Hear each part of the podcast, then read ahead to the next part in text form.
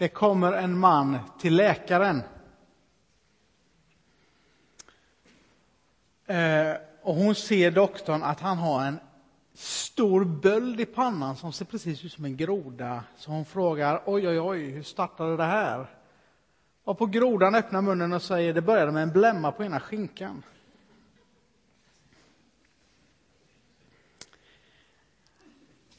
Ibland är inte verkligheten vad den syntes vara. Ibland är våra kategoriseringar av det vi ser inte riktigt överensstämmande med verkligheten.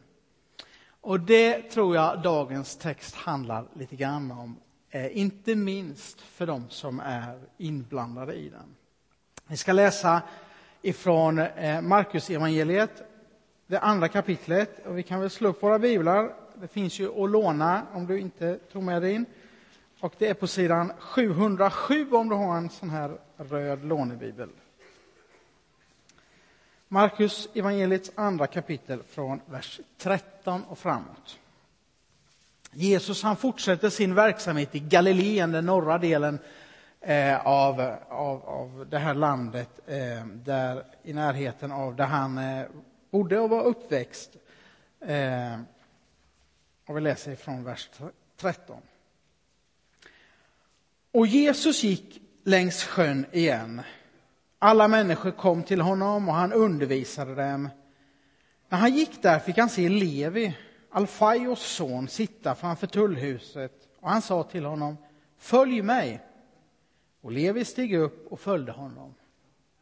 När Jesus sedan låg till bords i hans hus var det många tullindrivare och syndare som låg till bords tillsammans med honom och hans lärjungar. För det var många som följde honom. När de skriftlärde bland fariseerna fick se att han åt tillsammans med syndare och tullindrivare sa de till hans lärjungar, äter han med tullindrivare och syndare? Jesus hörde det och sa, det är inte de friska som behöver läkare, utan de sjuka. Jag har kommit för att kalla, jag har inte kommit för att kalla rättfärdiga, utan syndare. Tänk om vi idag skulle blanda ihop en yrkesgrupp med en, en kategorisering som syndare, så som de konsekvent tycks göra här. Det skulle väl inte vara roligt för Tullverket idag. Men alltså, det Jesus gör i sin gärning, det är att han egentligen berättar om Guds rike. Jesus berättar om Gud, vem han är, om hans intentioner och hans tankar och vilja är och det gör han genom sina ord, genom predikningar, genom undervisning, men också genom liksom allt det han gör. Var han går, var han inte går, vem han hänger med, vem han umgås med, vem han äter med och vad han gör för prioriteringar. Vad han väljer att göra och inte göra. Allt det här visar på vem är Gud. Och här bryter han normen, den judiska normen för det samhälle han han finns i. Här umgås han med människor med mycket dåligt anseende. Alltså som ansågs eh, illojala med, med sin omgivning, med folket, med, med, med Guds hela tanke för mänskligheten. Så sågs de här människorna som kategoriseras som tullindrivare och syndare. Det är de som har tagit avstånd från det rätta att göra. Det var utsugare och 50-kolonnare som hade allierat sig med ockupationsmakten romarna. Och Jesus sätt att bete sig, det, det mötte inte alls förväntningarna på någon som skulle kalla sig Messias. Den där man väntade på, som skulle vara den kommande kungen som skulle befria människorna. Kung Davids efterföljare och Guds utsände han skulle väl ändå samla alla de där starka och framgångsrika, alla hjältar omkring sig för att få något gjort. Skulle han inte samla de högpresterande och de allra skarpaste bibeltolkarna, de heligaste, för att skapa liksom Guds rike tillsammans med dem som liksom passar in i det? Men Jesus tycks välja en helt annan väg. Och egentligen skulle jag vilja säga att Jesus ger oss två nyheter och inte minst de han talar med här idag. Han har goda och han har dåliga nyheter. Och för att förstå de goda nyheterna måste vi nog börja med de dåliga nyheterna. Och de dåliga nyheterna Jesus talar om, det är att människor är sjuka. Fariseerna, de hade redan eh, liksom lyft begreppet syndare här. De hade redan delat in mänskligheten i de där rättfärdiga som de troligtvis tänkte att det tillhörde dem själv och så fanns det tullindrivarna och syndarna. Det är de andra. Eh, det var de man skulle ta avstånd ifrån. Och, och, alltså Jesus han säger inte emot egentligen. Utan han säger att synden, den är som en sjukdom. Och så säger han att alltså i det här ordet ligger den som har ont, den som lider. Man skulle kunna uttrycka det också som den som, som är misshandlad, den som lider under ett förtryck.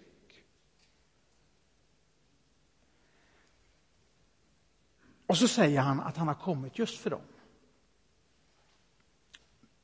Och, och, vad händer då med de här rättfärdiga, de andra? Vad gör vi med dem?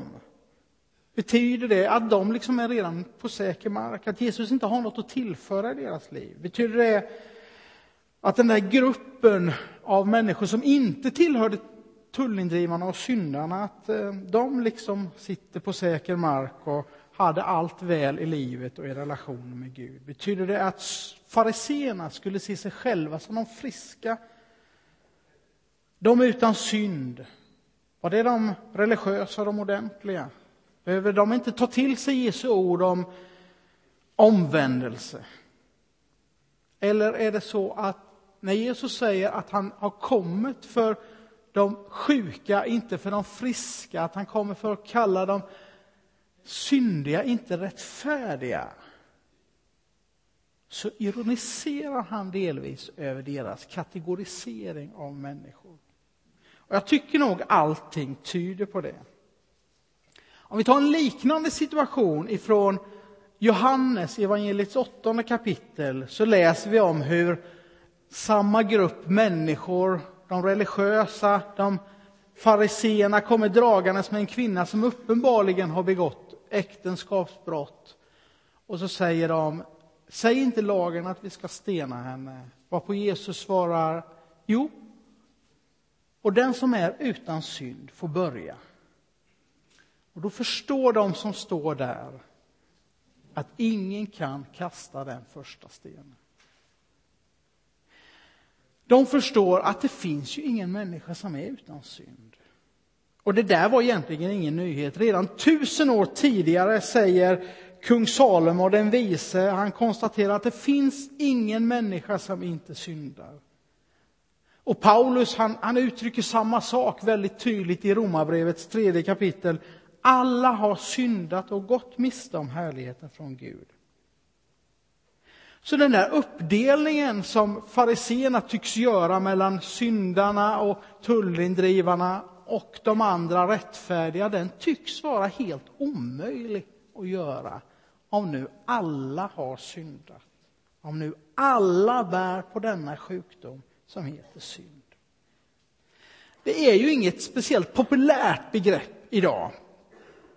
Jag blev inbjuden till en litet teologiskt seminarium här eh, senare i vår och, begrepp, och vi ska just tala om det här med hur, hur talar man om synd i en värld där inte det är speciellt populärt att tala om synd. Det känns kärvt och dystert å ena sidan. Eller så försöker vi liksom piffa upp det, glorifiera det, göra det lite spännande och, och sådär. Men, men helst kanske vi gärna suddar bort konceptet överhuvudtaget. Men det är nog tyvärr, åtminstone om vi ska tro vår bibel, ändå en del av vår tillvaro. Så kanske det är bäst att vi är lite klarsynta, även om sanningen skaver ibland. Men synd, det är både ett verb och ett eh, adjektiv. Synd är både någonting som händer, någonting som vi gör. Och inte minst läser vi det när vi läser i Gamla testamentet om, om tankar, om ord, om handlingar.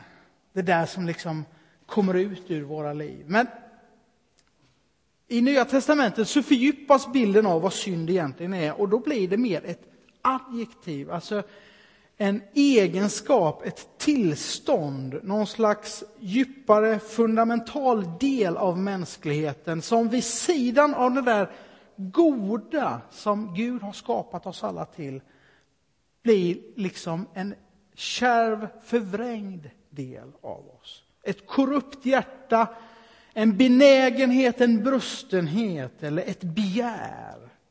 Ett systemfel som liksom har uppkommit i genom syndafallet eller ett virus i operativsystemet om man så vill.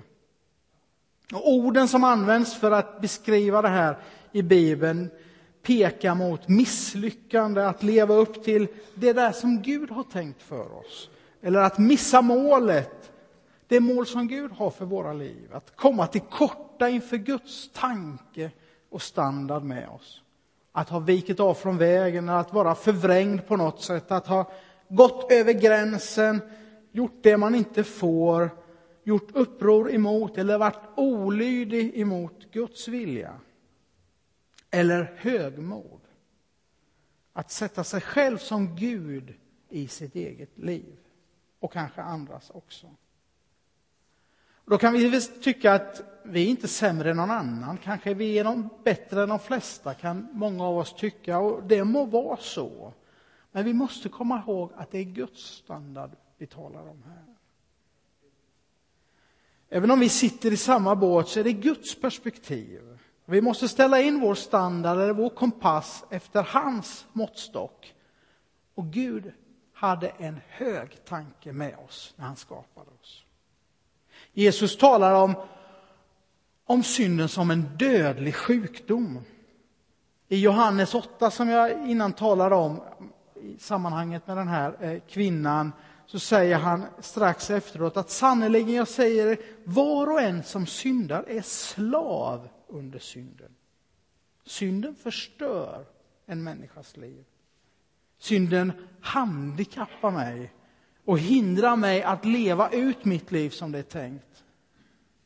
Och den berövar mig min eh, glädje och min frimodighet. Och den liksom förorenar i mitt liv. Synd är en miljöförstöring i människans liv. Jakob skriver i sitt brev och så när begäret blir havande så föder det synd och när synden är fullväxt så föder den död. Och detta tycks vara ett livsvillkor som alla människor delar. Och det är de dåliga nyheterna.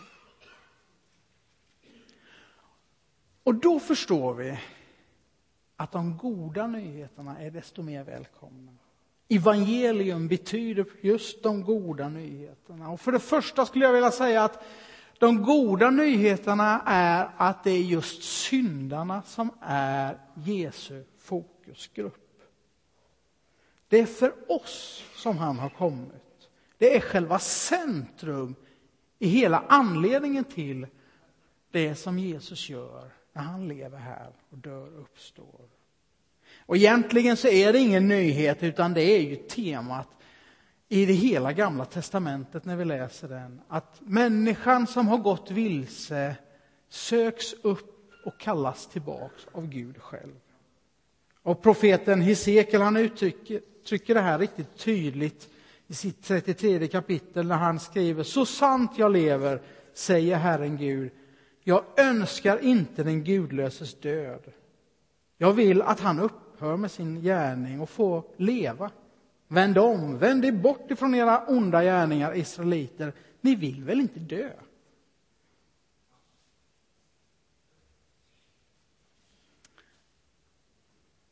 Och hjältarna, de duktiga, de tycks ju nästan saknas i Jesu omgivning. När Jesus väljer människor som han umgås med, när han väljer människor som han investerat sitt liv i, så är det ju inte de med självbilden av att vara rättfärdiga och duktiga hjältar. Det är ju helt andra människor vi hittar där. De som inte alls är färdiga, de som är rädda och nervösa och gör bort sig och gör fel. De som kallas syndare. Och de självrättfärdiga, de tycks ju inte alls dras till Jesus. De stöts ju nästan bort av hans liv och hans sätt att vara. Och Jesus tycks inte ha någonting alls att erbjuda den människa som har allting i sig själv. Den som är sin egen måttstock och sin egen Gud har ingenting att hämta hos Jesus, tycks det. Varför då? Ja, jag försöker svara den frågan eh, med, med någonting som jag hört någon säga, som jag upprepat. Någon sa så här att den friske den har ju många önskningar, men den sjuke bara en. Och bli frisk, tänker jag då. Och kanske är det just den fokuseringen som Jesus kräver av den som vill följa honom. Just den sjukdomsinsikten som ger motivationen och kraften att följa Jesus. För han kan väl aldrig vara en hobby eller en bisyssla. Jesus är väl inte guldkanten på tillvaron eller det där lilla extra som jag lägger till när det passar mig. Jesus tycks inte kunna komma på andra plats i mitt liv. Däremot så finns ju Jesus till just för den som desperat behöver honom. Den som är törstig, den som tyngs av bördor, den som annars går under av synd. Alla vi som slukas upp av våra begär och förtärs av vår sjukdom. För den är Jesus, läkaren.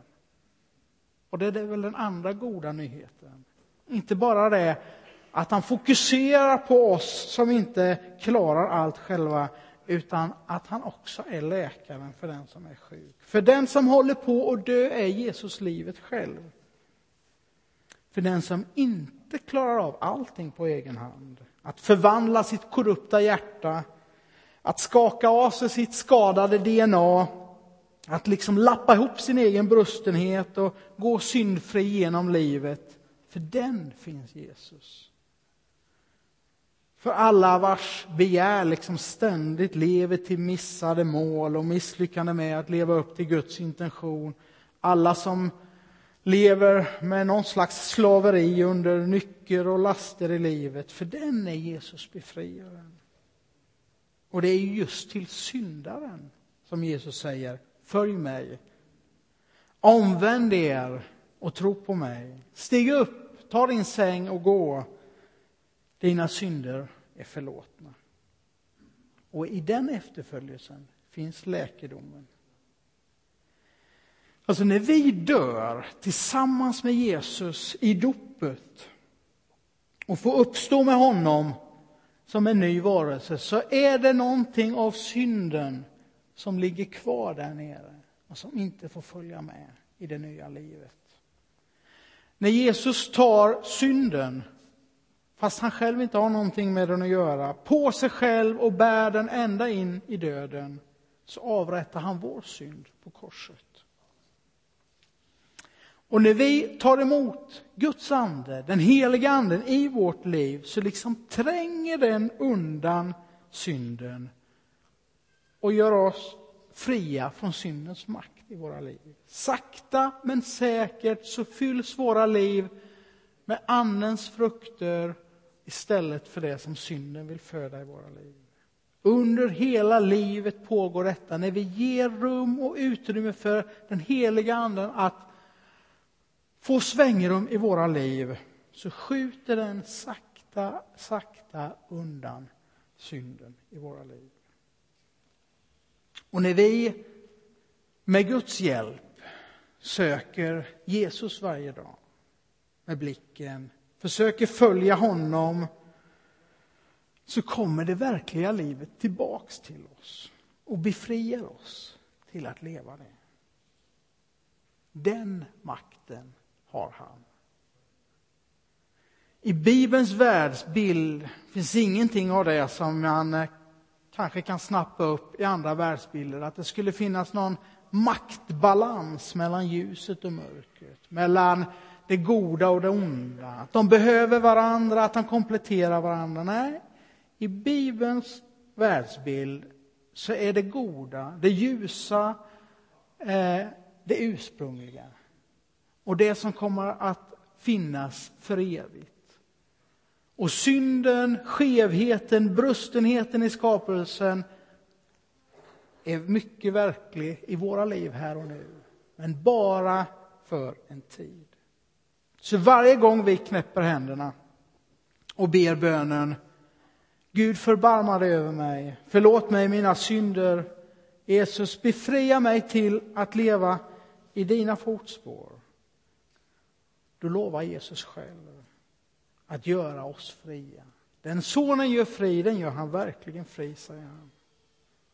Och Gud vill svara på den bönen. Och han har makten att svara på den bönen. Och han har lovat att göra det. Låt oss be. Herre Gud, vår skapare, tack för allt det goda du har skapat i tillvaron. Tack för alla människor som du älskar, Herre. Tack att det finns ingenting vi kan göra för att komma bort ifrån din kärlek. Men tack också att du inte överger oss när vi är drabbade av synden, Herre. När vi är plågade och misshandlade av den. Då har du en lösning, Herre. Du som är läkaren för alla sjukdomar. Amen.